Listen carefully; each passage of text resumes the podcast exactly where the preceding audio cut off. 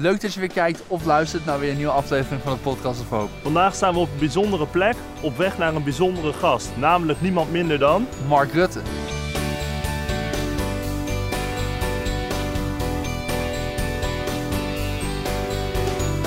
Podcast of Hope. Moving towards happiness. Nou, heel erg tof dat u weer bent voor de 50ste aflevering van de Erg leuk hier te zijn. Ja, mooie top. actie van jullie. En eh, we gaan met onze gast altijd in gesprek over geluk. En we waren benieuwd wanneer u in uw leven nou echt gelukkig was. Ja, dat is oei, hele, eh, eh, vaak hele dingetjes die niet zo heel groot zijn waar je het meest gelukkig bent, denk ik. Als je gezellig aan met vrienden hebt of wanneer je op vakantie bent en ineens een, een prachtig uitzicht ziet. Ja. of dat je ineens stilstaat bij een kunstwerk en denkt, wauw, dat wij dat als mensen ook kunnen produceren. Ja. Bij mij is dat meestal een muziekstuk, eh, maar soms ook een schilderij of een toneelstuk. Dat je denkt, jongen, jongen, misschien komt het goed met de mensheid. Als we dat kunnen. Dat zijn wel van die geluksmomenten. Het zijn nooit, het zijn nooit grote dingen eigenlijk. Maar als u het dan uit dat soort dingen haalt, dan zou je wel kunnen concluderen dat u nu gelukkig bent. Ja, ik denk onbalanced dat ik mezelf een gelukkig mens mag noemen. Ja. En, ehm, het feit dat u minister-president bent, heeft dat ook invloed gehad? Was u daarvoor misschien gelukkiger dan nu of andersom? Nee hoor, voor mij is dat een hele mooie baan, een hele eervolle baan. Maar het is ook dat, het is ook een baan. Eh, dus eh, Ja. nee, eh, het, het geluk moet niet alleen uit je werk komen. Maar ik vind het werk zelf ook prachtig om te doen. Dat biedt ook weer zo'n geluksmomenten natuurlijk. En u haalt het dan uit dingen als kunst en muziek. Ja, maar ook wat ik zeg, ook, ook inderdaad eh, afgelopen eh, zaterdag met mijn neef eten in een nieuw restaurantje dat we ontdekt hebben. En Ja, een heel ja, mooi gesprek ja, hebben En, en heel lekker eten in een zaakje wat je helemaal niet kende. Ja, weet je, het, hoeft, het zijn niet altijd eh, de dingen die heel veel geld kosten. Of, eh, en, en- of gewoon met je, met je eh, naar de schoolvorst of de toneelvoorstelling van je nichtje gaan. Ja. Ja. dat kan al- allemaal dat soort dingen. Ja, vaak zijn het eigenlijk de dingen die helemaal geen geld kosten. Nee, zo is het. Ja. Zo is het. Bijna. Bij- Meestal kost het niks. Of is het inderdaad eh, dat je 's morgens de lucht ziet en denkt, oh jeetje, Ja. wat is het, eh, het weer alweer aan het veranderen. Krijgen een mooi voorjaar, zoiets. Ja. Ja. Maar oh, sorry. Ga maar. Nou, u zegt dingen als uit eten naar de voorstelling. Is dat nog wel mogelijk nu u minister-president bent? Dus niet dat iedereen u kent en dat je eigenlijk niet meer normaal. eh, Jawel hoor, ik doe alles doen? nog wat ik hiervoor deed. En alleen je krijgt eh, soms iemand die een fotootje wil maken of zo. Nou ja, dat is prima. Ja. Selfie is altijd leuk. Mensen doen eigenlijk niet vervelend. Nee, dus dat, daar moet ik ook niet moeilijk over doen. Ehm, en dat is ook altijd vreselijk aardig. En dan heb je ook vaak weer leuke gesprekjes door. Ja. Hmm. Door dat soort eh, momenten. Maar eh, nee, ik, ben- ik ben wel alles blijven doen wat ik hiervoor deed. Dus niet een, eh, Nee. een soort eh, ander leven gaan leiden. Nee. Nou, Nee. top.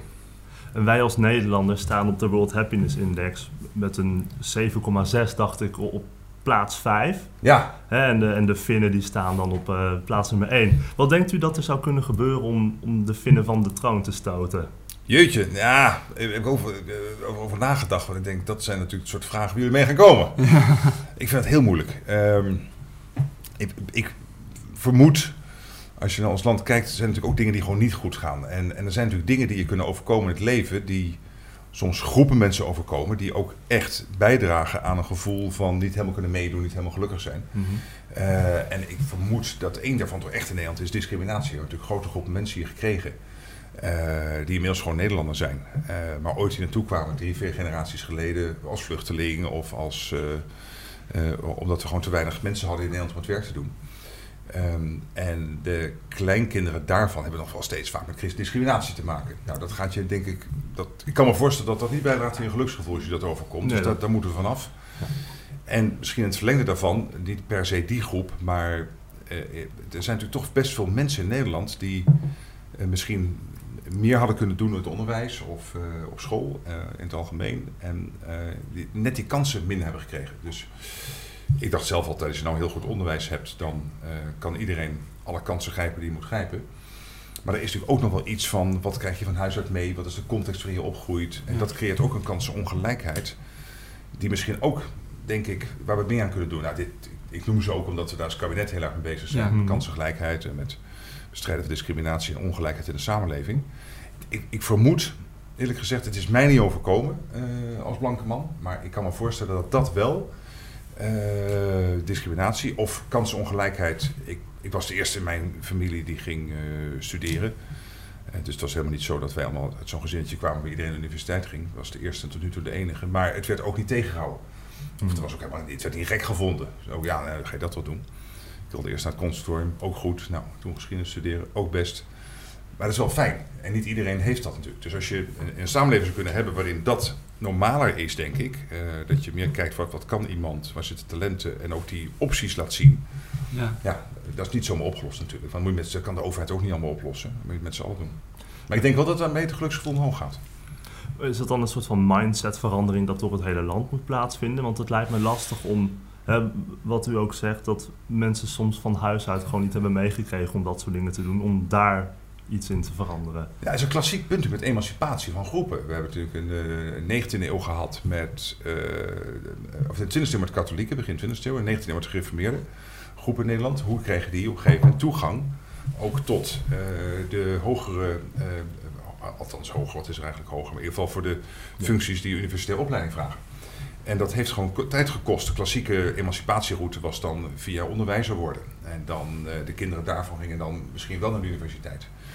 Ehm, en ehm, dus in die zin is het natuurlijk voor alle eeuwen en alle tijden dat er altijd groepen in een samenleving zijn die ook aan de deur kloppen Ja. van de zogenaamd eh, hogere functies. Nogmaals, eh, voor mij is een vuilnisman even hoog als een professor, maar goed, zo is er klassiek naar gekeken wordt. En ehm, dat, dat is inderdaad niet iets wat je vanuit de overheid allemaal kunt oplossen. Dat moet men wel met z'n allen doen. En dus er Ja. hoort ook bij dat je, eh, als jij eh, iemand tegenkomt, toevallig op een sportclub of wat dan ook, waarvan je denkt, hé, hey, daar zit meer in dan die er nu uithaalt.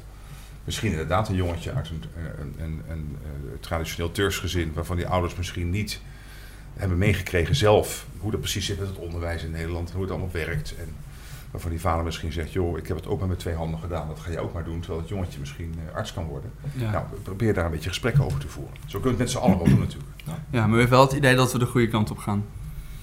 Ik ben er wel optimistisch erover, ja. Ja. ja. ik ben er wel optimistisch over. Maar ik ben ook geen socioloog, dus dat weet ik ook niet zeker. Maar ik, heb, ik ben er wel optimistisch over. Ik vind wel als je naar onze samenleving kijkt en je ziet ook hoe, hoeveel meer nu eh, groepen eh, die uit die migratiegolven zijn voortgekomen, de generaties daarna nu naar het HBO universiteit gaan, dat neemt Mhm. wel erg toe. nu. Ja. Ja, maar het is nog niet on par, het is nog niet op hetzelfde niveau. Ja, wat we met Hoop XXL eigenlijk ook proberen is dat, dat ja, we streven naar een wereld waar iedereen zijn leven met een 8 kan beoordelen. Denkt u dat het een naïef streven is of, of is dat wel een goed streven? Heel goed geschreven. En als, Ja? waar, waar zaten we als Nederland, zei je? Ja, Ja, 7,6. Zeven. Nou, zijn we toch bijna? Ja, Ja, ja, geweldig. waar, waar zit u Waarom geen negen? Ja, waarom geen 9? Ja, het, ik denk dat je ook niet een soort van utopische Ja, het moet samenleving realistisch moet blijven. dat is het. nee joh, realistisch, dat is het hele leven al. Dat is saai. Ja, dat is dan ook wel. Ja, je kan wel beter een hoog streven hebben, Ja. inderdaad. Nee, maar prima toch, acht. Dat zou mooi zijn. Ja. Ja? Dat is Ja. niet, niet te naïef. Nee, natuurlijk niet. Nee, als je nu op 7,6 zit, is het zelfs een eh, misschien te makkelijk doel. Ja, dat, dat is wel wel, ja, maar een iedereen over de 8,5. hele wereld, Ja, hè? niet nee, alleen Oh, de hele Nederland. wereld. Ja. Oh, sorry, van Nederland. Nee, de hele wereld, daar zijn natuurlijk wel grote achterstanden. Je hebt natuurlijk nog heel veel gebieden in de wereld waar echt ook nog wel hele grote problemen zijn. Rondom eh, veiligheid. Nou ja, je zal nu maar in Oekraïne wonen. Ja. Of met eh, genoeg eh, eten, voedsel, toegang tot gezondheidszorg. Fijn, dat zijn natuurlijk hele grote vraagstukken. Waarbij overigens nog maar de vraag is of mensen dan hun geluk daar in alle gevallen lager inschatten. Dat is ook nog weer een punt. Hè? Ja. Als je Ja. praat met mensen vaak die opgroeien in landen met, met veel minder sociale en maatschappelijke welvaart dan wij hebben, is het niet per definitie zo dat mensen hun eigen leven als ongelukkiger inschatten. Hoewel wij misschien zouden denken, ja, maar ja, wij hebben het zoveel beter. Dus Ja. dat is ook heel relatief in. Ja, en het is ook misschien dat er daar een groter gemeenschapsgevoel is of iets dergelijks. Precies, en, Ja. en een gevoel van, ja, inderdaad, van community, van gemeenschap, ja. Wat Ja. wij misschien weer een beetje kwijt zijn geraakt door eh, dat de overheid zoveel is gaan doen. Ja. En ehm, ja, weet u een beetje op welk punt u al zit? Als u, Ikzelf? Ja, als u zelf een punt moest geven? Of- Ja, ik denk tegen de niet? 8 zelf. Ja? Ja, 7,9, 8, denk ik. Ja. Ja, iets boven Nederlands gemiddelde. Ja. En op Ja. het streven van ons dan. Ja, precies. Ja. ik, ik ga gewoon op dat streven zitten. Dus iedereen eh, op mijn geluksgevoel heeft, dan zijn we er. ja. En dat moet ook wel. We kan niet een vier hebben en dan ons allemaal eh, Dat gaat niet. de leiding nemen. Nee, nou ja, dat kan wel. Nee, nee, ik denk dat er best wel politici zijn die zelf helemaal niet gelukkig zijn. Dat weet ik eigenlijk niet. Ehm, maar het helpt wel, denk ik, als je niet zelf heel somber bent. Nee, want er gaan ook heel veel dingen ook mis. Dus je moet ook wel blijven geloven in eh, dat dingen beter kunnen.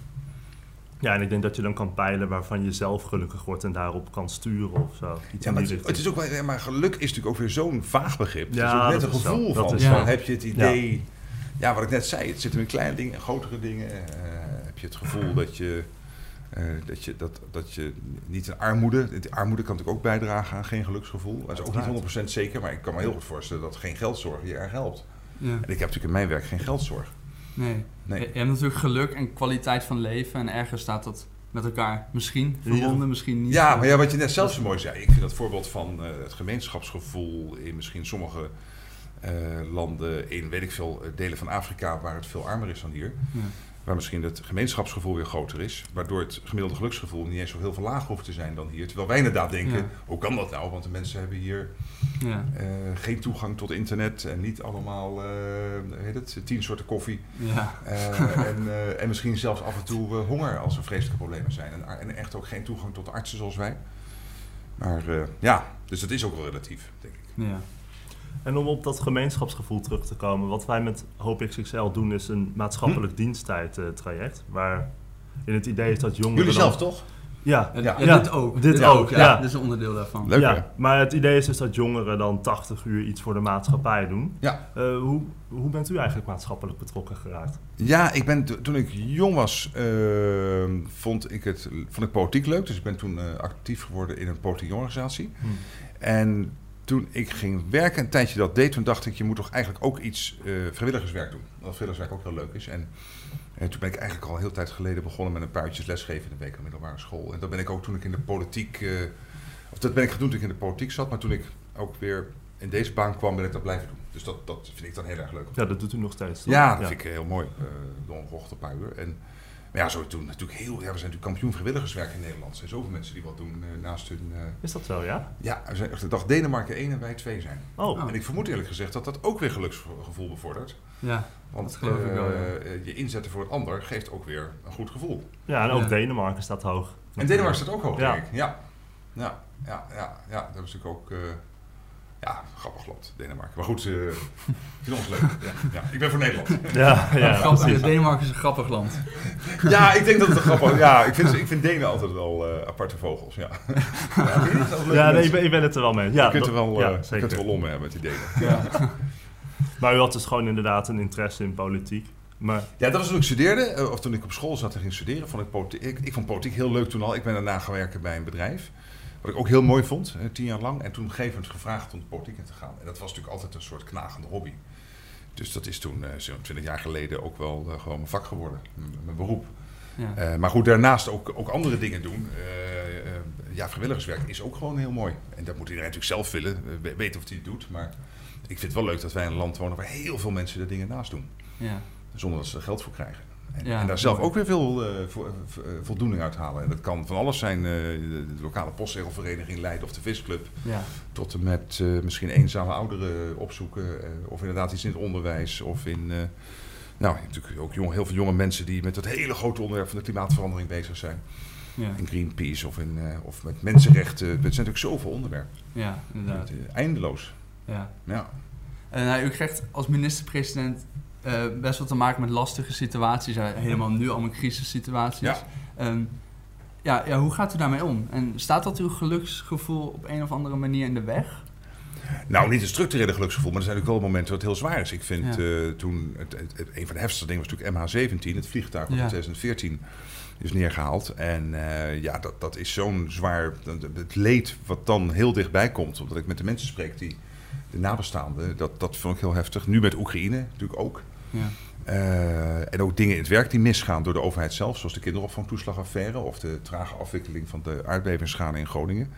Dat zijn natuurlijk allemaal dingen die aan je knagen. Eh, je denkt, jezus, eh, dat kunnen we, nog niet sneller doen? Hadden we dat kunnen voorkomen? Ja. Eh, en met Oekraïne en MH17, eh, ja, dat konden we niet voorkomen. Maar daar, konden we wel, eh, daar kun je wel proberen er te staan voor, de, voor wat er daar moet komen. Ehm, het staat niet mijn structurele geluksgevoel in de weg tot nu toe. Maar eh, het zijn natuurlijk wel momenten waarop eh, het, het, het, het werk veel zwaarder weegt. En, Ja. en eh, de last zwaarder is. Ja. ja, misschien in het moment dan zelf wel. Maar ja, in die weken, in die maanden. Ja. En tegelijkertijd ook weer bijzonder om het dan deze baan te mogen doen. Zoals nu met Oekraïne. Het is ook weer een hele eer om, eh, om dan te kijken, kan ik helpen met eh, collega's in het kabinet Hoekstra, Ollongren, om eh, zo'n coalitie bij elkaar te houden. Of de afgelopen twee jaar met collega's aan die de Nederlandse omgang met die pandemie, eh, met corona. Ja, Die natuurlijk ook enorme effecten heeft op heel veel mensen. Dat je- Ja. ik was laatst nog in een theater, dat zo'n theatermaker, eh Sanne Wallis de Vries, zegt... ja, realiseer je wat voor impact dit heeft gehad op theatermakers? Ja, Dan denk ik, ja, dat is enorm. Of op studenten die eh vereenzaamden, noem maar op. En dat zijn natuurlijk allemaal effecten van beleid. Dat je denkt, jeetje, Ja. hoe, hoe, moet- hoe, hoe lossen we dit nou weer op? Ja. En, en- Ja. Oh, sorry. Nee, zo. Ja, en, en, en die dingen, neemt u die dan ook mee naar huis? Of, of kunt u zich goed afsluiten? En zegt u van ja, dit, Nee, dit is mijn thuis, werk, Thuis is mijn privéleven. jongen. Ik geloof niet Ja? in het onderscheid. Nee joh, je bent toch overal dezelfde persoon. Je kunt niet, eh, volgens mij, het probleem op kantoor in een kluisje leggen en s'morgens weer eruit halen. Dat gaat toch niet? Nee? Nee. nee. Alleen je moet natuurlijk wel proberen s'nachts te blijven slapen. Het heeft ook geen zin om s'nachts wakker te liggen. En ik kan me ook voorstellen dat het anders veel te veel wordt misschien. Als je even dat momentje nodig hebt. Ja, maar je gaat met vrienden en zo. eh, ik, ik, ik, heb, ik heb een vriendenkring buiten de politiek, dat helpt Ja. mij wel. Dus die, dan praat je over andere dingen. Maar ja, als er echt hele heftige zaken spelen, dan eh, neem ik dat wel mee naar huis. Ja, Ja. ja. dat gaat niet anders. Alleen als het, natuurlijk, als het langdurig gaat knagen, dan word, je, dan word je er ook ziek van. En dan kun je je werk niet goed doen. Dus ik vind wel mijn taak ook, eh, als je dit doet, om er op een manier mee om te gaan dat je, dat, je probeert ja, ook in je hoofd gezond te blijven. Maar dat zijn natuurlijk momenten dat heel zwaar, dat heel zwaar is. Ja. Maar ja, dat heeft iedereen denk ik van in zijn leven. Ik, ik wil u heel erg bedanken. En, Ja. eh, Jullie als, bedankt. als dank wil ik u deze acht aanbieden, onze Cumula. Ja, jeetje man. En Ja. die staat symbool voor ons eh, doel. Ja, over die acht waar we het net over hadden Ja. gehad. Ja, Straight to eight. straight Ja. to eight. Ja, geweldig. Hope XXL. Ja, dankjewel. Ja. Dat is ook echt Doe een wilt. Nou ja, dat, dat, dat, eh, wordt mooi. Top. Heel erg bedankt. Hey, Ja, dank heel erg bedankt. Succes. Ja, hetzelfde. Ja. En geluk. Ja, hetzelfde, ja. En we zijn er weer, terug waar je ons gewend bent. Ik hoop dat jullie hebben genoten van het gesprek met Mark Rutte. Voor aflevering 50 leek het ons leuk om even terug te blikken op een aantal bijzondere momenten die we hebben meegemaakt met onze gasten. Ja, en we trappen af met een eh, fragment van Jochem van Gelder, kindervriend Jochem van Gelder. En we gaan het hebben over het verschil tussen kinderen en volwassenen en waarom het soms nodig is om een lopje te maken. Bij kinderen hoef ik nooit rekening te houden met wat ze zeggen. Of dat wel klopt. Of wat nou- Nee, ja, die, zeker in die leeftijd, 4, 5, 6, 7, vertellen ze gewoon wat, wat ze op hun hart hebben. Ja. En als ze iets zien en ze zeggen: Goh, heb je een rare bril op? Dan zeggen ze dat. Zeggen ze dat niet om jou te dissen of wat dan ook. Maar die zien er gewoon een bril die zij raar vinden. Dus Ja. dan moet je daar serieus mee omgaan. Kijk, als, als ik dat als volwassene tegen jou zou zeggen. dan zou jij denken: van, Goh, hij zit mij hier voor lul te zetten Ja. tijdens deze podcast. Hè? Waar heb ik dat aan verdiend? Hè? Als ik tegen jou zou zeggen, ga eens naar de kapper, dan zou je zeggen, nou ja, daar heb, heb jij niks mee te maken. Dit is gewoon hoe maar. Als een kind zou zeggen, goh, jij hebt wel lange haren. Dan weet je, ja, dat is goed opgemerkt. Dat, kind heeft geen bedoeling om jou, wat dan ook. En dat maakt eh, communiceren met kinderen zo prettig. Zij, zij, zij, zij reageren onbevangen, spontaan. En ik heb wel eens een lezing gegeven die ging over het geestelijk dotteren van volwassenen. Het ging erover dat je als volwassene, je leert al vrij snel, sommige dingen moet je niet zeggen. Hè, in de opvoeding. Eh, eh, tijdens school eh, leer je sommige dingen mag je niet zeggen. Je wordt je ouder en dan zeg je van sommige dingen moet je zeggen om dat te bereiken. Weet je wel, beetje slim. Ehm, maar er komen allerlei blokkades hier te zitten. Ja. Waardoor je niet meer open en eerlijk met elkaar communiceert. Ja, er zijn er weinig die dat nog kunnen en doen. En je zou eigenlijk een soort geestelijk gedotteld moeten worden. Al die blokkades zouden weg moeten halen. En dan zou je weer open en eerlijk gewoon met elkaar kunnen communiceren. Als de ander ook hè, geestelijk. Want anders, als ik in de supermarkt loop en ik zie een, een bloedmooie vrouw. En ik zou naar die vrouw toe lopen en ik zou zeggen: Even één ding, het gaat nergens over. Maar wat zie je er fantastisch uit. Dat wil ik gewoon even zeggen. Ja. Als ik dat nu zou zeggen, als man van 50 plus, dan zou ik zeggen: Hé, Viespeuk. Eh, hij, hij is de volgende, hè? Die Ja. aan de schandpagina. Schand, eh, na, nou, in ieder geval schandpagina. Zou dat een kind van vier zijn? Ja. Dan is het schattig. Dan zou die vrouw, die zou één hele week daar opteren. Die zou denken, jongens, mooier wordt het leven niet meer. Wat geweldig. Een kind van vier zegt het tegen maar Die heeft nooit bijbedoeling of wat dan ook. Nee. Dus soms zou het te gek zijn als je als volwassene gewoon weer op die manier met elkaar kunt communiceren zoals kinderen doen. En gewoon elkaar oprecht, eerlijk vertelt wat je ervan vindt. Wat je dan, dan Ja. kan je ook nooit echt beledigd zijn of wat dan ook. Dan weet je, ja, oké.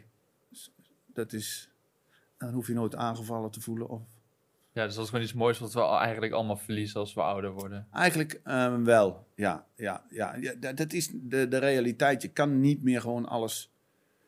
ehm, ja, ik probeer altijd zo dicht mogelijk bij mezelf te blijven... en gewoon eerlijk en oprecht te zijn. Ja. Nou, je hoeft je ook het minste onthouden, hè? Dat, eh, dat zeggen ze wel eens. Eh, maar soms ont, ontkom je er niet aan om ook wel eens... Hè, als je in een onderhandeling zit... om er gewoon een, op een handige manier dingen te zeggen... die misschien niet helemaal waar zijn... maar waarmee je wel uiteindelijk Ja. Hè? Het meest bereikt. Soms, Ja. soms is een lopje, en een lopje noem ik dat een heel subtiel lopje. Dat is, in voetbal is het een lopje eroverheen, maar een lopje is een leugentje om best wil. Oh, ja. Dat je dan, een lopje, een klein lopje, dat je dan zegt van oké, als we het leven daardoor makkelijker maken en ik een hoop stress voorkom, dan even een lopje. ja. Maar het liefst zo min mogelijk. En kinderen maken geen lopjes. In aflevering 25 hadden we Jan Terlouw en Maarten van Rossum te gast. En Jan Terlouw legt uit over het verband tussen geluk en gelukt en hoe de overheid kan helpen om mensen gelukkiger te maken. Ik denk dat ik gelukkig ben als er iets lukt. Hm. Als iets geslaagd is. Als een boek het goed doet of als een toespraak gelukt is. Ik, het kunnen ook kleine dingetjes zijn. Als iets lukt wat ik me voorneem. Ja, dus als er werk in is gestopt en dan is het ja, gelukt. Ja, het zit ook dan voel ik me eventjes, woord, ja. dan voel ik me even tevreden en content. ja. Gelukkig kun je misschien noemen. Ik, eh, maar ik word natuurlijk ook gelukkig als een klein kind een gezond kind baart. Als dat gelukt is en het kind, het kind is gezond en de moeder is goed, ja. voel ik me ook wel even gelukkig. Ja, Het zijn echt momenten dus. het zijn momenten. Ja. Ja. En, en toen u ehm, actief was in de politiek, was geluk toen een uitgangspunt voor politici? Nou, je hebt het op kleine schaal. Als, je, als er politiek iets gelukt is weer, dan voel je je tevreden en gelukkig. Voor de mensheid geluk. Ja. Ja, ik heb wel vaak gedacht. We definiëren het altijd met groei en met winst enzovoort. Dat maakt helemaal niet gelukkig. Mensen zijn gelukkig als ze gezien worden. Als ze mee mogen doen. Als ze herkend worden. Als, als hen iets lukt. Dan zijn ze gelukkig. En daar zou de politiek dus meer naar moeten streven. ja, dus de politiek heeft er wel een rol in. Wat zegt u? De politiek heeft er wel een rol in. in het heeft daar een rol mensen. in, ja. Ja. Om mensen gelukkig te krijgen, ja, denk ik wel. Erbij horen. Ik denk zo'n overheid op het ogenblik die de burger zo weinig ziet, dan doet de overheid het tegenovergestelde van mensen gelukkig maken. Denk ik. En, en hoe zou je dat kunnen oplossen? Door middel van bijvoorbeeld transparantie? Of? Nou, bijvoorbeeld burgerberaden instellen. De mensen mee mogen doen. Ik denk dat ze daar heel tevreden en gelukkig van worden. Het blijkt ook dat het functioneert. Ja. En ook mensen niet alles tot in detail voorschrijven. Zeggen, dat en dat gaan we doen. En hoe je het doet, zoek dat maar uit. Dat kun je best. Dan worden mensen veel gelukkiger dan dat je zegt, en denk daaraan dat je aan de regels houdt. Hè? Dus toch nog een klein beetje zelfredzaamheid. Een beetje, ja, ik denk dat mensen zelfredzaam, dat ze gelukkiger worden. Ja. Ik heb het heel veel aan medewerkers gemerkt. Ik heb heel veel verschillende medewerkers gehad. en op het moment dat ik zeg, dat kun je best, dan, zijn, dan doen ze het voor je.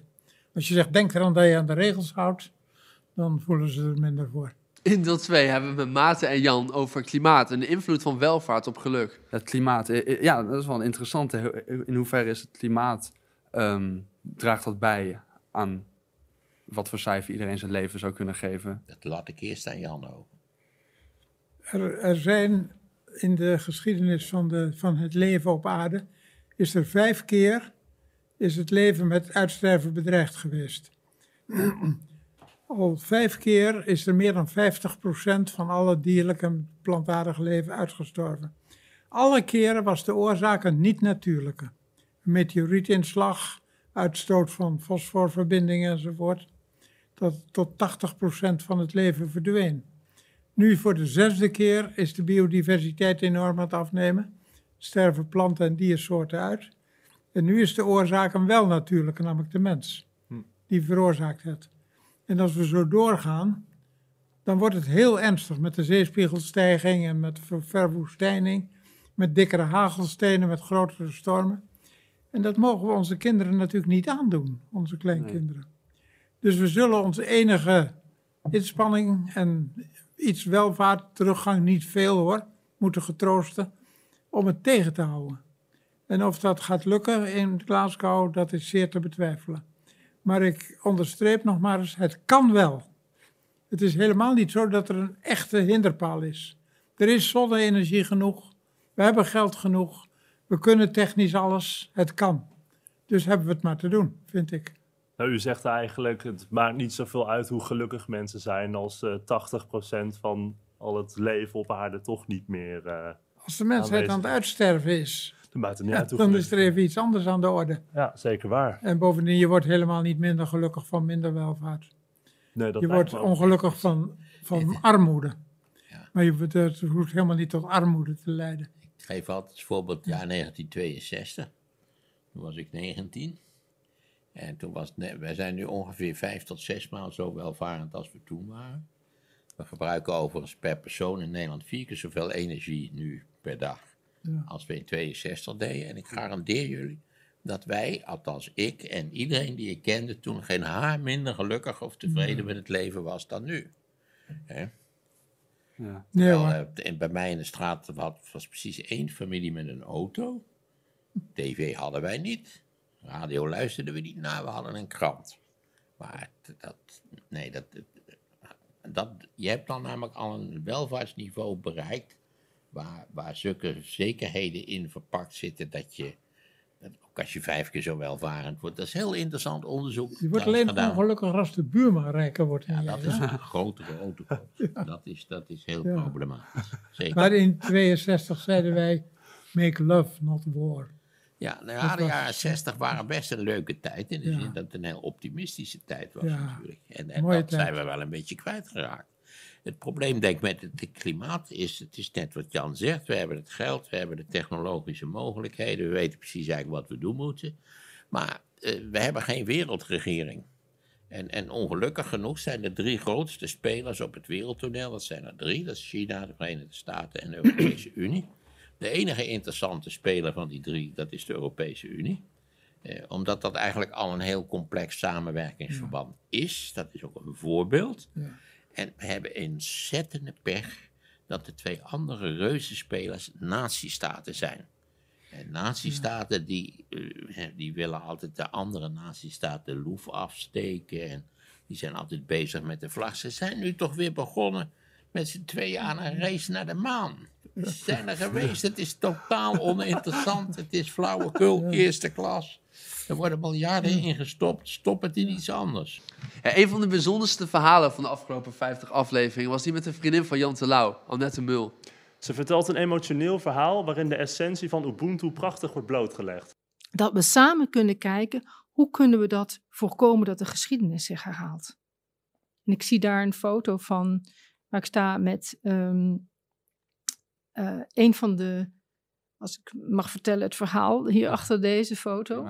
Dat is een indrukwekkend eh, verhaal. Ehm, je ziet hier ehm Tobacco. En Tobacco die heeft het logo aan. Hij is projectleider van de Amy Biel Foundation in Kaapstad. Een kleine anekdote, maar wezenlijk is in 1993 heeft Amy Biel als Amerikaanse eh, studenten, rechten, rechtenstudenten, heeft zij een half jaar vrijwilligerswerk gedaan in Zuid-Afrika. Om met name zwarte vrouwen te helpen met stemrecht. Ik praat over 1993. 1991 was de omwenteling van apartheid.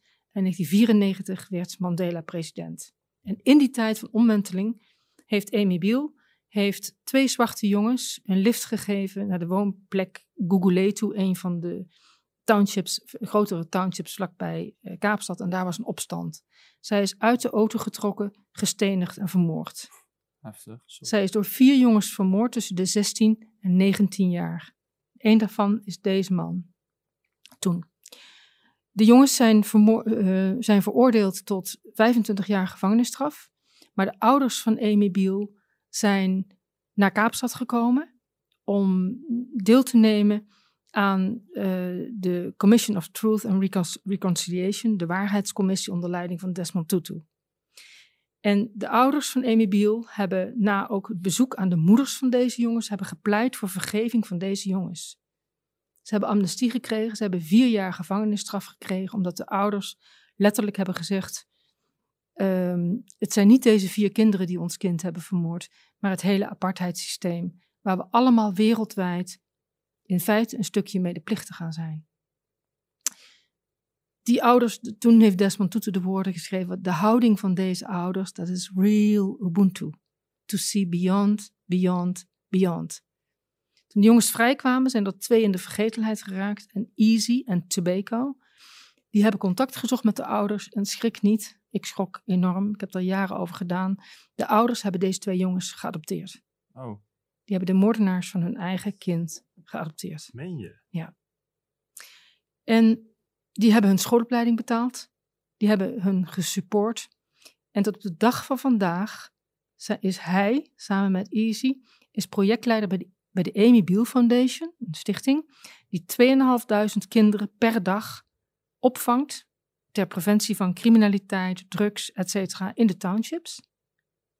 Ik zie je gezicht dat je het moeilijk vindt het te, te verwerken bijna. Ja, het is ook lastig te bevatten. Ik geloof het, ik geloof het. Het is bijna niet te. Ik zou het zelf ook. Voor mij is een kentering in mijn leven geworden toen ik, toen ik hiermee met hun in aanraking kwam, dit hoorde.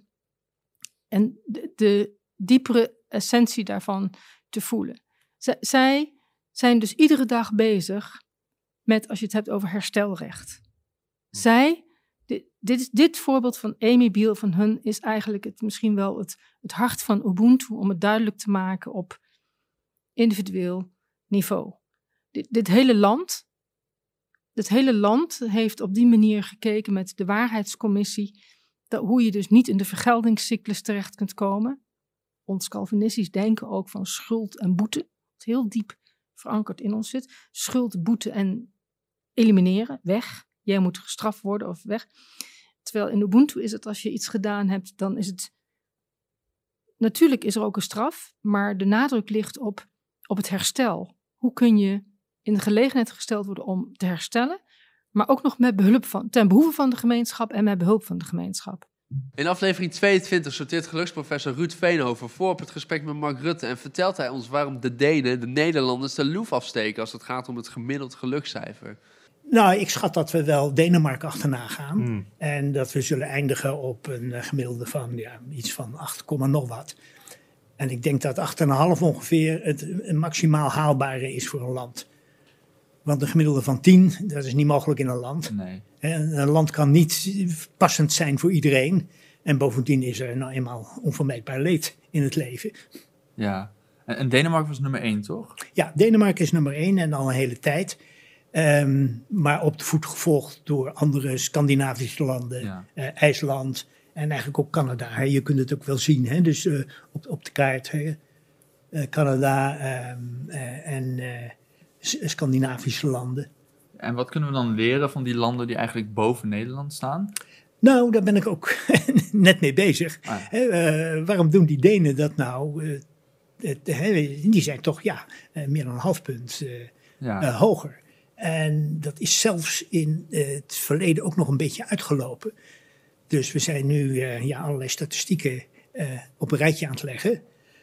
En wat ik er nu van zeggen kan, is dat ja, de Denen het op een aantal eh, voorspellers van geluk net een tikje beter doen. En dus een van de beste voorspellers van hoe gelukkig mensen zijn in een land, dat is de kwaliteit van de overheid. En dan moet je vooral denken aan de kwaliteit van de bureaucratie. Goede ambtenaren, deskundig, niet corrupt, weinig licht tussen de regels eh, eh, op papier en in de praktijk. Nou, dat wordt eh, ieder jaar gemeten door de Wereldbank. En ieder jaar staan die Denen, die staan bovenaan. En wij zitten ook wel in de kopgroep. Maar ja, de Denen hebben net ietsje betere ambtenaren. Nou, kijk je naar de vrouwenemancipatie. Nou, dat hebben we best aardig gedaan. Ja, doen de Denen toch net, Net een stukje. beter, ja. ja.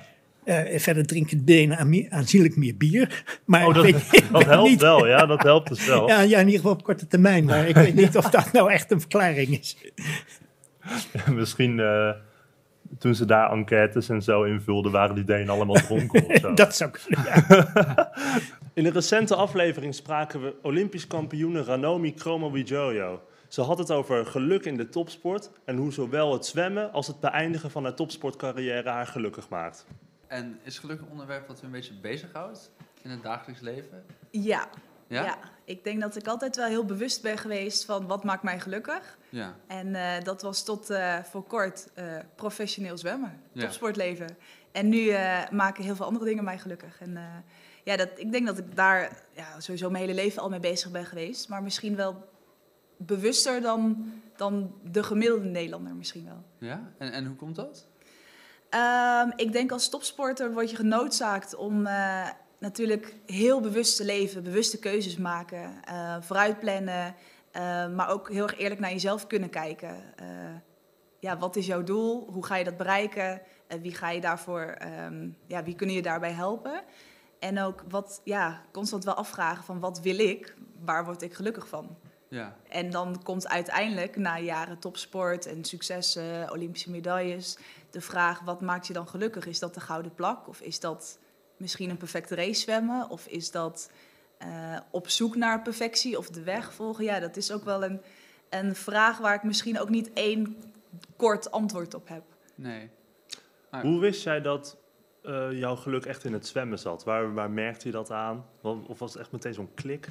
Ehm, dat is op latere leeftijd pas bewust gekomen. Oh ja. Omdat ik altijd heel erg aangetrokken was tot water. Eh, eh, zeeën, meren, zwembaden. Als babytje werd ik meegenomen door mijn oma naar het zwembad. En ja, dus al op heel erg jonge leeftijd in aanraking gekomen met water. Ehm, op mijn derde moest ik op zwemles van mijn moeder omdat ik gewoon zwembaden insprong en eigenlijk eh, ja, gewoon heel erg aangetrokken was tot water. Dat zij dacht, eh, Anders verdrink je. ja, gewoon letterlijk, die moet op zwemles, anders verdrinkt ze. Dat is gewoon echt ehm, noodzakelijk. Ja. ja, en ik, ik wist op mijn derde nog niet precies wat links en rechts was. En ik begreep gewoon heel veel dingen niet van de zwemles. Maar het zwemmen lukte me wel heel goed. En ik was vier jaar oud toen ik beide eh A- en B-diploma's had. En dan is er blijkbaar gewoon een heel erg liefde voor bewegen in het water, in het water zijn. En, eh, en op spelende wijze ga je dan bij de zwemclub zitten en baantjes zwemmen. En ehm, kom je dan, ja, naarmate de jaren vorderen, erachter dat dat jou gelukkig maakt. Maar dat komt vanuit binnen, vanuit passie, vanuit ja, waar jij je prettig bij voelt. Dat is heel moeilijk uit te leggen, maar dat, dat is gewoon van het kleins af aan. Dat is altijd geweest en ik denk ook dat het altijd zo zou blijven. Ja. Dat is niet toevallig dus. Nee, nee. En het is ook niet op één moment geweest dat ik dacht, nou, ik, eh, ik ga topzwemster worden of ik ga op zwemmen. Nee. Dat is gewoon ingerold of zo, erin, eh, ingetrokken misschien wel. In aflevering 15 legt de econoom Herman Wijfels en hoogleraar Klaas van Egmond ons uit dat we allemaal worden geboren als een hoopje geluk met veel potentie. En dat de route naar geluk vraagt om veel reflectie. Kijk, weet je, voor mij is een heel belangrijk begrip eh, menselijke waardigheid. Dus eh, als we het hebben over zeg maar, collectief, over samenleven, eh, dan gaat het er wat mij betreft om de samenleving zo te organiseren dat mensen eh, naar hun mogelijkheden in waardigheid kunnen leven. Eh, dus dat ze zeggen, hun talenten, hun creativiteit, hun mogelijkheden kunnen omzetten in een bijdrage aan het geheel, aan, aan de samenleving. En op die manier zeggen, kunnen zijn wie ze en kunnen worden wie ze in potentie bij geboorte al waren. Want eh, als je geboren wordt, dan ben je eigenlijk een, een bundeltje potentie, niet meer dan dat. Hè? En, en dus het, en het leven is erop gericht om stap voor stap die potentie in de realiteit te brengen. En op die manier in volle waardigheid jouw leven vorm te kunnen geven. En dat kan op allerlei manieren en dat kan op allerlei niveaus. En er is geen, geen algemene maatstaf voor. Maar als je eh, dus inderdaad in de extreme vervalt, dus door eh, te materi- materialistisch te zijn of door eh, te veel te eten en eh, te- zeg maar, te veel junkfood tot je te nemen of wat dan ook, ja, dan eh, limiteer je in feite de potentie die je in feite bent. Hè? Dus, eh, dus de- daar, daar komen die dingen wat mij betreft eh, in samen. Dat ehm, de route naar geluk vraagt ook eh, iedere keer reflectie op wie je in essentie bent en wat echt ook, laten we zeggen, blijvend eh, geluksgevoelens kan opleveren. Ja, en met die zelfreflectie eigenlijk steeds naar dat midden blijven zoeken. Nou, daar komt het dan op neer. Ja, mag ik nog aan toevoegen dat je zou kan denken van ja, dat is nou de opinie hier. Kijk, we zijn het nogal met elkaar eens, merk je wel. De opinie van die Wijfels en die van Egmond. Eh, maar daar denken dus volgende sprekers in deze podcast-uitzending heel, heel anders over. Kan ik me voorstellen als ik dus een beetje weet wie er allemaal gaan komen. Maar er is één eh, eh, toch markante extra claim van onze kant. En dat is het feit dat wat wij zeggen hier, dat dat niet nieuw is. Dat dat al duizenden jaren Ja. in de filosofie bekend is. We hadden het over Aristoteles. Aristoteles, ja. Dat wij dat in de kunst en cultuur van Europa minstens, de rest van de wereld ook, maar laten we Europa zeggen, dat dat er allemaal al in zit. Dat in de grote meesterwerken van kunst en cultuur in, in Europa, Shakespeare, eh, Mozart, eh, Wagner, eh, Frederik van Ede, dat dat er allemaal, dat verhaal al in zit. Dat, we, we weten dit al heel erg lang. Dus het is ook zo dat dat dus door generaties mensen en ook kunstenaars, die daar extra gevoelig voor zijn, eh, al weten we dat dat zo zit. Dus ik vind dat mensen die denken, die dan een verhaal hebben dat, dat het gewoon allemaal anders in elkaar steekt. En die vrije markt het enige zaligmakende mechanisme is eh, in- op die shoppingmall. Die Ja. moeten dan ook maar eens even uitleggen hoe zij dan kijken naar die Europese duizenden jaren aan, aan filosofie, geschiedenis. Waar het ook uit, uit blijkt over de ervaring van de geschiedenis. En die kunst en cultuur. Hoe ze, hoe ze dat dan kunnen rijmen. In het volgende fragment legt podcastmaker en DJ Patrick Kikker uit dat geluk aanstekelijk werkt en dat het het enige is dat zich vermenigvuldigt wanneer je het deelt. je moet wel opletten dat dat niet weer de volgende eh, trucje wordt. Dat je denkt, ik word pas gelukkig als ik alleen nog maar één stel in één stoel. Da- Daar is die film Into the Wild een mooi voorbeeld van. Hebben jullie die gezien? Die ken ik niet. Nee, naam komt bekend voor. Ja, zo'n jongen die knipt zijn laatste bankpasjes door, die verbrandt zelfs zijn laatste dollars en die gaat gewoon, trekt gewoon de wildernis in. Hij denkt, daar is het geluk te vinden. Nou, die kwam op het laatst erachter. De- Voor de, ik zal niet te veel verklappen, maar hij had nog ergens in een boom gekerfd. Eh, happiness is only real when it's shared. Happiness only exists when it's shared. Dus dat komt hij ook weer weer. Geluk is iets wat je delen wil. Hè? Ik ben ook op mijn gelukkigst als ik gewoon voor iemand ja, iets leuks kan doen. Of iemand iets kan geven. Of met iemand een leuke avond beleef. Geluk in je eentje, dat is natuurlijk de, de, de ware beproeving. Maar hoe deel je geluk dan? Want je kan iemand niet gelukkig maken. Dus zou je dan zeggen, bijvoorbeeld het geluk wat je deelt, dat, dan geef je... Ja, als je geluk deelt, komt daar eh, blijdschap uit of zo. Dus je geeft mensen blijdschap vanuit jouw geluk op die manier. Nou, ik noem altijd het voorbeeld van een feestje. Eh, je kan eh, op een feestje binnenkomen en zo gaan staan van... Nou, zijn mij benieuwd wat het hier wordt vanavond, weet je wel? Nee, je kan ook denken, ik ga eens wat met mensen praten, grapje maken. Ja, jij maakt ook het feest, hè? Jij komt eigenlijk feesten. Dus ik, dan kom ik weer terug op. Je brengt toch geluk mee in de wereld. Ik mag hopen dat geluk aanstekelijk is. En als ik bij mensen in de buurt ben en die zien aan mij dat ik gewoon geluk ben... Ja, dat dat iets in hun opwekt of zo. Net als je ook geil kunt worden van een bepaalde persoon, of, of boos of verdrietig. We- wij zijn natuurlijk voelende wezens. Wij, als, jij hier als, als jij hier als één stuk verdriet zou zitten, omdat jij net te horen hebt gekregen dat iets heel ergs gebeurt, dan voel ik dat ook. Ja. En dan zouden we eigenlijk, het mooiste zou zijn als we hier gewoon in alle, alle drie in tranen zouden zitten, om, eh, ja, om, om het verdriet wat gedeeld wordt. Ja. Ik, vind, ik, moet nu, ik kijk nu naar het glas water. En als ik te veel vertel, moet je het ook zeggen. Maar je, ik vind Nee, het wel. fijn. Ja, ik vind het een interessant onderwerp. Wij zeggen, ik heb dorst. Indianen hebben niet eens een woord voor. De oude Indianen hadden niet eens een woord voor ik. Zeggen, we hebben dorst. En de hele stam kreeg drinken. Ik bedoel, dat is toch, dat is toch het mooiste wat er is. Ja. Ik bedoel, ik heb dorst. Die hebben geen woord voor ik. Nee, we hebben dorst. We gaan drinken. We hebben honger. We gaan eten. Maar hebben ze dan ook op hetzelfde moment echt dorst? Of zit dan de helft van de stam met drinken wat ze niet willen hebben? dat durf ik je niet te zeggen, maar ik vind het idee van gewoon eh, collectief de dingen delen. Dus het Ja. verdriet, de vreugde, het geluk, de drank, de wat dan ook. En je ziet, we hebben net samen zitten eten. Wij, wij kennen die rituelen wel in Nederland. Hè? Dat we natuurlijk samen eten, samen oud en nieuw vieren. Eh, we gaan meestal, sa- dus eh, een man en vrouw gaan samen naar bed. Of man en man, vrouw en vrouw. Dat van samen, dat vinden we heerlijk. Ja. Maar ja, dat, dit individualisme, ik denk dat dat toch het grootste recept voor, ongeluk, voor ongelukkig zijn is. Te veel met individualisme bezig zijn. In aflevering 27 vertelt voormalig minister van Defensie Joris Voorhoeven wat zijn definitie is van geluk. Hoe hij gelukkig wordt en wat hij doet om het geluk bij anderen te vergroten. Maar dat filosofisch nadenken, dat doet u wel? Een beetje. Ik ben geen filosoof, eh, maar eh, je kunt geluk natuurlijk op allerlei manieren definiëren. Wat mij aanspreekt is wat ik een keer zag bij een uitzending eh, over geluk en verschillende filosofische scholen, dat eh, de eh, maker van het programma naar een Afrikaanse vrouw toe liep die op het land bezig was met een soort hakbijl en vroeg, what is happiness? En zij keek op en ze zei, happiness, sir, is living in love without want. En dat vind ik een hele mooie definitie. Hè? In liefde leven zonder gebrek. Eh, er zijn meer aspecten aan geluk, maar dat is wel heel belangrijk voor mensen. Eh, geen gebrek, althans niet aan ernstig, geen ernstige gebreken. En in een liefdevolle omgeving. Ja, dus geen gebrek, dat zijn dus dat je aan alle basisbehoeften Precies, voldoet. precies. Ja, en die definitie die deelt u ook wel dus.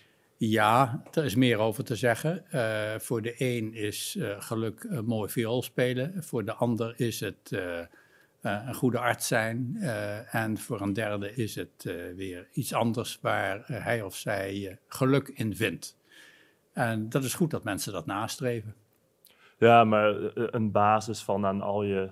kijk, als je aan al je basisbehoeften hebt voldaan, dan is dat natuurlijk ook een mooie basis om die andere dingen na te kunnen Precies, streven. precies. Ja. Ja, ja, ja. Dus het is eigenlijk een, een soort van basis voor geluk misschien. Ja, ehm, geluk begint natuurlijk mm, met je eigen gezondheid en welzijn. Maar dat hangt sterk samen met die van, je, van de mensen om je heen. En eh, als je van alles en nog wat bent voorzien, eh, kun je veel geluk eh, ontvangen door anderen die het minder goed hebben, daarbij te helpen. En ehm, ja, ik ben met een aantal projecten bezig die mij erg gelukkig maken. Ja, zou u voorbeelden kunnen noemen? Ehm, ik zit in een aantal besturen van goede doeleninstellingen. Dat vind ik erg leuk. Ik ben nu aan het proberen een soort vluchtelingenhuis eh, eh, in elkaar te zetten in eh, de overdrachtelijke zin. Eh, ik heb een, groot oud pension op het oog, wat ik voor een bescheiden bedrag zou kunnen verwerven. En dat heeft 18 kamers en acht badkamers. Dus er kunnen heel wat mensen eh, een onderkomen in vinden die eh, nu soms in slechte buurten van grote steden zwerven omdat ze geen Ja. woning kunnen vinden. En dan geef je hun eigen, eh, dan hebben zij ook niet meer die gebreken. Zodat zij ook gelukkig kunnen worden op die manier. Dat is te hopen. Het is nu goed voor vluchtelingen om te integreren in het land waar ze zijn aangekomen. Ja. Dus snel de taal te leren. Eh, in dit geval gaat het om eh, Duitsland. Ik heb een eh, vakantiewoning in Duitsland. En daar in de buurt trof ik dit pension aan. En dacht, dat is leuk om te verwerven. Ik heb toevallig mijn huis in Den Haag verkocht. Heb dus wat om te investeren. En dat lijkt me een erg leuk doel. Dat zijn dingen waar ik gelukkig van word. Ook aan tafel hadden we theoloog Stefan Paas, die het verschil aankaart tussen geluk in een arm land en geluk in een rijk land. Ook legt hij uit hoe religie kan zorgen voor een omgeving die goed en gezond is voor de mens. Maar ik kan me ook voorstellen dat geluk wel iets is waar je meer over na gaat denken als je ouder wordt. Want toen, ja, toen jij geen kind was, dacht je er helemaal niet over na. En dan heb je eigenlijk een soort Nou, van dat weet ik niet. Is nul staat van geluk. Volgens mij is onze samenleving hier in het Westen is helemaal ziek van het nadenken over geluk. Eh, dus er is, eh, er is, eh, maar aan deze ja, er is, podcast. ja, nee, eh, denk je dat ze dit soort podcasts in Afrika maken? Kom nou. Nee, dus die hebben we anders te doen dan over geluk nadenken. Van ben ik wel echt gelukkig? Nee, eh, dat heeft de socioloog Inglehart heeft daar een interessante studie over gemaakt. Dat noemt hij de, we leven in een postmateriële samenleving. Hè, dus jullie en ik, en denk ook nog mijn ouders, zijn de eerste generaties die opgroeien in de wereld, laat staan in het Westen, die opgroeien zonder zich ooit zorgen te maken of ze eten op tafel hebben morgen. Hm. Of een epidemie hen volgend jaar wegvaagt. Eh, of de oogst mislukt. Ja. Er is altijd eten in de supermarkt. Eh, er zijn altijd goede dokters in de buurt. Eh, er is ook geen oorlog. Dus al dat soort dingen zijn eigenlijk afgevinkt. Ja, dan krijg je heel veel ruimte in je, in je hoofd om na te gaan denken over andere vragen. Ben ik wel echt gelukkig? Ja. Wat wil ik nou echt met mijn leven? En in, in, in overlevingsculturen, zoals we die eigenlijk gehad hebben tot, nou, ja, tot recent, ook zelfs hier, ehm, was dat natuurlijk anders. Eh, geluk zat hem veel meer in, eh, heb je eten op tafel? Ja. Ehm, dus mijn ouders hebben negen jaar in Malawi, in een van de armste landen van de wereld gewerkt, Zuidoost-Afrika. En het idee bestaat hier vaak dat in dat soort hele arme landen, waar mensen een heel kwetsbaar leven leiden, dat mensen diep ongelukkig zijn. Nou wil ik daar niet romantisch over doen, want er is ook inderdaad, er zijn ook veel mensen best wel ongelukkig. Ja. Het is ook een lastig leven. En toch is het niet zo dat mensen per definitie heel ongelukkig zijn, als ze in zo'n overlevingscultuur zitten. Want er is ook veel onmiddellijk gewin, zeg maar, onmiddellijke bevrediging. Eh, als je inderdaad morgen het gelukt is om vandaag eten te hebben en je hebt nog wat over voor morgen, topdag. Ja. Hè, dus dat geeft ook een soort onmiddellijk eh, geluksgevoel. Ehm, en ehm, nou ja, nogmaals, je moet daar niet over gaan romantiseren van, ach, eigenlijk hebben die mensen het veel beter dan wij of zo. Dat is natuurlijk flauwekul. Eh, je gunt die mensen ook enige bestaanszekerheid. Er zijn wellicht wel dingen die we dan kunnen leren van die instelling. Ja, dat, dat is moeilijk te zeggen. Ik, op een bepaalde manier is het ook onontkoombaar dat die welvaart die wij hebben ook leidt dus tot eh, meer piekeratie. Ja. En ook meer psychisch eh, leed. Dat moet je niet vergeten, de, depressies en dat soort zaken, burn-out Ja. de jongeren. Dat neemt allemaal wel toe in een samenleving die heel welvarend is, waar alles heel snel gaat, waar heel veel keuzes zijn. Ja. Ja, nou ja, dat voelt als een enorme vrijheid, die, al die keuzes, maar betekent natuurlijk ook eh, dat je heel veel dingen, eh, eh, dat je steeds moet nadenken over wat je moet kiezen. Dodelijk vermoeiend ook. Religie lijkt me wel iets dat daar dan in kan springen en kan zeggen. Hè, en een beetje richting kan geven, misschien voor mensen die dan dat zijn verloren en nadenken over. Kan, ja. Ja, ja. Kijk, religieuze mensen zijn ook mensen van deze tijd. Ja. Dus die, zijn wel, die hebben dezelfde vragen, natuurlijk in dezelfde levenssituaties. Dus ook jonge gelovige jongeren zitten ook de hele dag te piekeren van... wat wil ik eigenlijk gaan doen? Ja. Mm. Natuurlijk. eh, tenzij ze theologie gaan studeren. Ja. ik kan het iedereen aanbevelen. Eh, maar, eh, nee, dat is gekheid. Maar, maar eh, natuurlijk. Dus die, dat zijn ook jongeren van deze tijd. En, en ook eh, eh, christenen hebben ook een midlife crisis. En weet ik het allemaal niet. Natuurlijk. Laten we niet elkaar voor de gek houden. Geloof is geen recept voor, eh nou, de overkomt je geen probleem. Maar het is wel waar, denk ik, tot op zekere hoogte in elk geval. Als je opgroeit in een eh, cultuur, gezin, samenleving, als mens waar een zekere ja, mentale kaart bestaat van wat is het goede leven. Een moreel programma, eh, laten we zeggen de Bijbel of de Koran. Eh, een omgeving die dat ook steunt. Voorbeelden, rolmodellen, die laten zien van, nou, dat is nou goed leven. Al dat soort dingen kunnen wel ehm, helpen. Als je helemaal aan je lot bent overgeleverd, of als je hele omgeving ook zegt van, joh, je, kies maar, hè, het is allemaal goed. Eh, dat is niet altijd lekker voor je. Eh, dus in die zin eh, kan het wel helpen. Eh, geloof of een, een religieuze omgeving of, of een filosofie aan zich. Ja, of, of ja, nou, filosofie aan zich misschien ook wel. Als je heel erg zelflerend bent of heel individueel ingesteld en je leest Epictetus of weet ik veel, dat kan je misschien wel helpen om. maar ik bedoel ook, ook gewoon het simpele feit van opgroeien in een gemeenschap waar bepaalde normen zijn, waar bepaalde. Nou ja, laat ik mezelf als voorbeeld nemen. Ik, ik ben van kind af aan naar de kerk gegaan. Dat is heel simpel. Je leert een bepaald ritme in je leven. Ehm, je leert dat je eigen agenda niet altijd voorop staat. Want zondag ga je gewoon naar de kerk. Ja. Of je het leuk vindt of niet, of je zin hebt of niet. Eh, nou, de ene dag heb je er wel zin in, de andere week niet zo, maar dat gaat toch. Dus je leert een soort discipline aan. Ja. Dat het heel gezond is voor mensen. Je, je zit in een gemeenschap van mensen die even op elkaar letten soms. Van, hé, hey, die is ziek, of die was er vandaag niet. Of ehm, die kan vandaag niet koken. Weet je wat? Eh, nou, dat soort dingen. Ehm, je krijgt een moreel programma mee. Eh, de kerk waar ik was, wordt voorgelezen, werd voorgelezen de Bijbel. Of Ja. nog. eh, hoor je het verhaal van noem eens wat, barmhartige Samaritaan. Of ehm, nou, heel veel verhalen die gaan over, eh, over wat het goede leven is, wat zin is, wat betekenis is. Er worden collecten gehouden voor de mensen die het minder hebben in de wereld. Dus je raakt betrokken. dat- Nou, al dat soort dingen, hoe zou ik het zeggen? Zetten luikjes open en luikjes dicht. Geven een soort patroon in je leven. Ja. Die zeggen echt niet van wat je later moet gaan studeren. Maar zeggen wel, het ene leven kan misschien zinvoller zijn dan het andere. En dringen je van je jongste aan met beelden daarvan, met rolmodellen, met voorbeelden daarvan. Dus in die zin kan dat, eh, st- kan dat een zekere ja, steun, ri- richting geven. Ja. Ik kan me iets bij voorstellen, ja. Voor mij heeft dat wel zo gewerkt, maar ja, eh, ik moet ook eerlijk zijn, mijn, mijn kinderen die hebben met dezelfde vragen geworsteld, ook van wat moet ik gaan doen. En eh, Ja. ook twee studies eh, begonnen. En, en, en, dus dat, het is niet, nogmaals, moeten niet doen alsof eh, geloof wat dat betreft, rece- als je, eh, ja, C.S. Lewis, de man die ik al noemde hier, die zei, als je gelukkig wil worden, moet je niet gaan geloven, zegt hij. Dan kun je beter een fles drank nemen. Een fles port, zegt hij, dat helpt ook prima. Dus je de hele wereld op een acht wil krijgen, help ze aan de drugs. Eh, wat dat betreft, als je alleen om geluksgevoel gaat, dat er niet te veel prikkels doordringen en dat je gewoon lekker in een soort roes eh, leeft. Ja. Eh, zegt hij, geloof, ik, ik ben nooit gaan geloven, zegt hij, om gelukkig te worden. Zegt hij, eh, dat het soms kan gebeuren. En geluk overkomt je vaak natuurlijk, dat weten we allemaal. Ja. Dat organiseer je vaak niet. Dat heeft wel te maken met dat je ineens merkt, hé, hey, ik leid een zinvol leven. Of de- het resoneert met anderen die mij steunen en met wie ik herkenning heb. En hey, ik heb wat goeds kunnen doen. En, en Dat soort zaken. In aflevering 16 hadden we een mooi gesprek met voormalig commandant de strijdkrachten Peter van Um. We spraken over vrede, veiligheid en vrijheid. Peter had het geluk uit het dienen van anderen.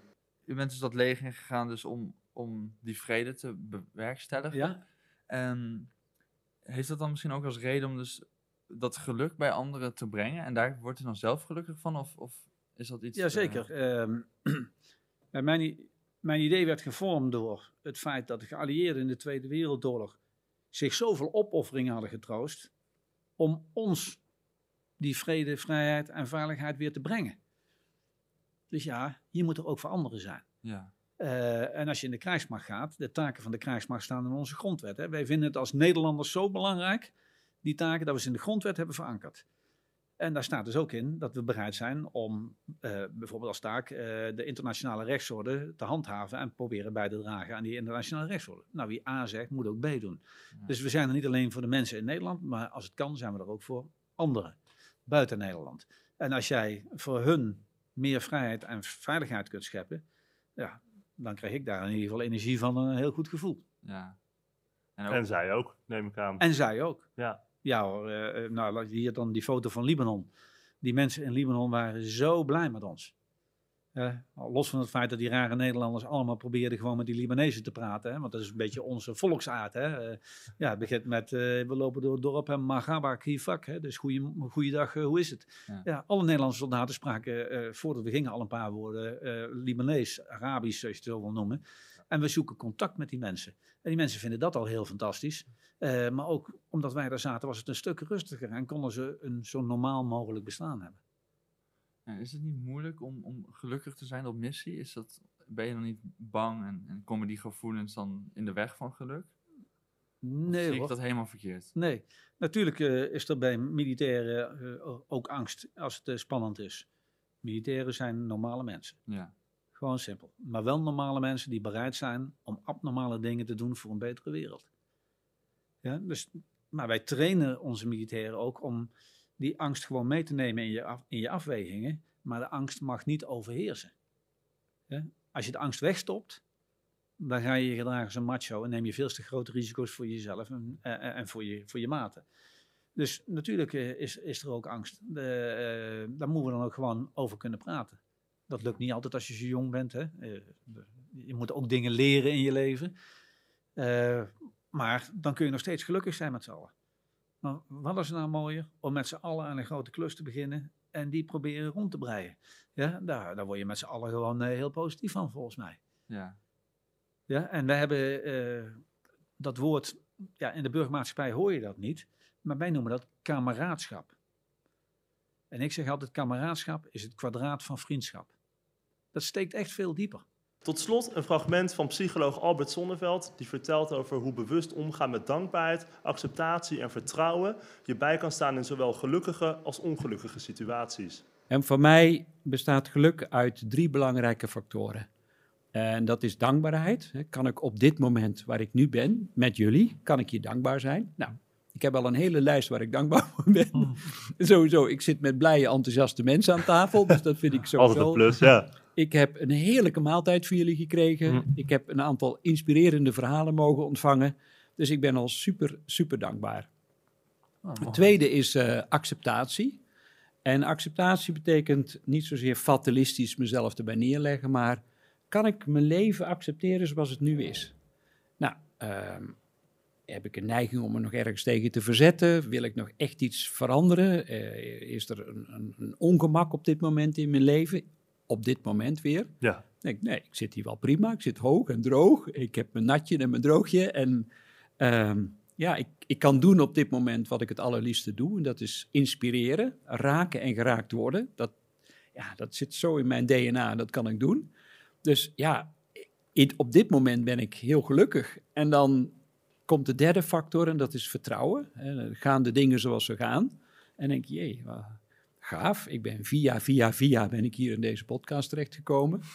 Het leven heeft op een of andere mysterieuze manier ervoor gezorgd dat ik vandaag op dit moment hier bij jullie aan tafel zit.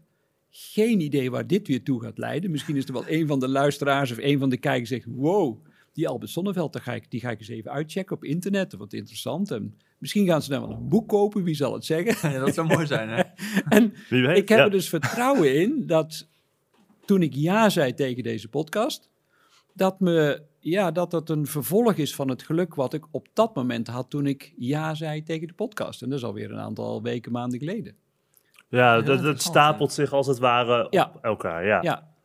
Een hele bewuste manier van kijken naar... Ja, maar ik denk, hè, de de reden dat mensen luisteren naar deze podcast is bewust of onbewust, willen ze groeien, hè, willen ze ontwikkelen. Is er een, een honger naar persoonlijke ontwikkeling? Hè? Ik heb jullie lijst gezien. Nou, dat zijn inspirerende mensen die jullie tot nu toe hebben uitgenodigd.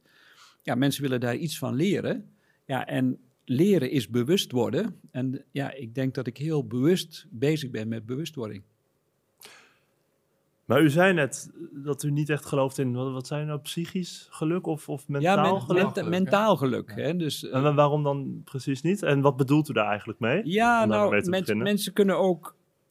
Ja, weet je, je hebt zo ook wel van die, van die mensen die, die alles dan maar positief willen eh, benaderen. Hè? Dus zeggen van, ja, eh, achter de wolken schijnt de zon. En, ja, Oh, dat is ja. natuurlijk allemaal waar. Ja. Maar ongeluk is er ook. Er is ook gewoon verdriet. Er is ook ehm, ja, tegenslag Hm. in de wereld en in je leven. En je kunt niet alles zomaar mentaal wegberedeneren. Hè? Van je, ja, je bent een sukkel als je daar niet overheen kunt stappen. Nee, soms is het juist heel goed om te rouwen, om pijn toe te laten, om verdriet vol te omarmen, om angst in de bek aan te kijken. Ja. En dat kun je niet mentaal wegredeneren. En, en dat zie je nog wel eens, hè, dat er eh, in, in deze wereld van maakbaarheid zeggen van ja, stel je niet aan, hè, want als je maar positief denkt, dan kom je er wel. En ja, dat vind ik te makkelijk. En, Ja, en daarmee creëer je ook teleurstelling. En dat, ja, daar wil ik wel voor waken. Daarom zeg ik, het is niet alleen maar een mentaal iets, wat je dan maar even jezelf geluk aanpraten. Ehm, daarmee zou je onrecht doen aan de periodes dat je je ook ongelukkig mag voelen. Maar is het dan voor iemand die veelal in, in ongelukkige situaties verkeert helemaal niet mogelijk om gelukkig te zijn? Of zit daar dan wel. toch wel een soort Ja, van zeker. psychisch aspect aan? Ja, ja, want en dan kom je weer aan dat dankbaarheid, acceptatie en Oh, vertrouwen. tuurlijk. Ja, ja, ja, als, je, als je op dat moment kunt accepteren dat je verdrietig bent, of boos of angstig. ehm, het gekke is, hoe meer dat je daar contact mee maakt en dat niet probeert te verdringen, des te sneller zul je weer gelukkig zijn. Hm. Maar als je het blijft ontkennen, hè, bijvoorbeeld ja, de emotie boosheid, ja, die mag je absoluut voelen. Dat is een hele functionele eh, emotie die je kunt gebruiken om iets wat, wat op dat moment tegen zit, meer naar je hand te zetten. Maar ja, dat duurt niet langer dan gemiddeld 90 seconden of zo, echte boosheid. En alles wat langer duurt, is het verhaal wat je daarover vertelt. Dus dan, dan, hè, dan, dan ga je hele verhalen vertellen over... ja, maar eh, waarom heeft hij of zij zo tegen mij gedaan... en ze moeten mij altijd hebben en eh, ik ben al de zoveelste keer de klos.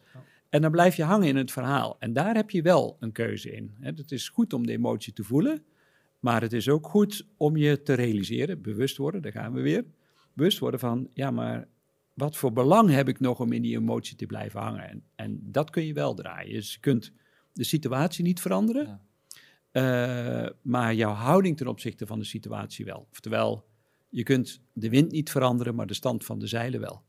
Bedankt voor het kijken of luisteren naar deze aflevering van de Podcast of Hoop. We hopen dat je ervan hebt genoten of misschien wel geïnspireerd door bent geraakt. Iedere zondag om 10 uur komt er een nieuwe aflevering online op YouTube, Spotify en op al je andere favoriete podcast-apps. Ook kun je ons vinden op www.podcastofhoop.nl. Tot ziens en veel geluk. De wereld waarin we leven biedt nog geen gelijke kansen. Voldoende eten en drinken. Een adequate opleiding. Goede gezondheidszorg. Vrede en geluk is niet voor iedereen weggelegd. Maar stap voor stap wordt het beter. En zijn we op weg naar een octopische samenleving waarin iedereen zijn of haar leven als goed kan beschouwen. Het is een lange reis, maar we zijn op weg. Podcast of Hope. Moving towards happiness.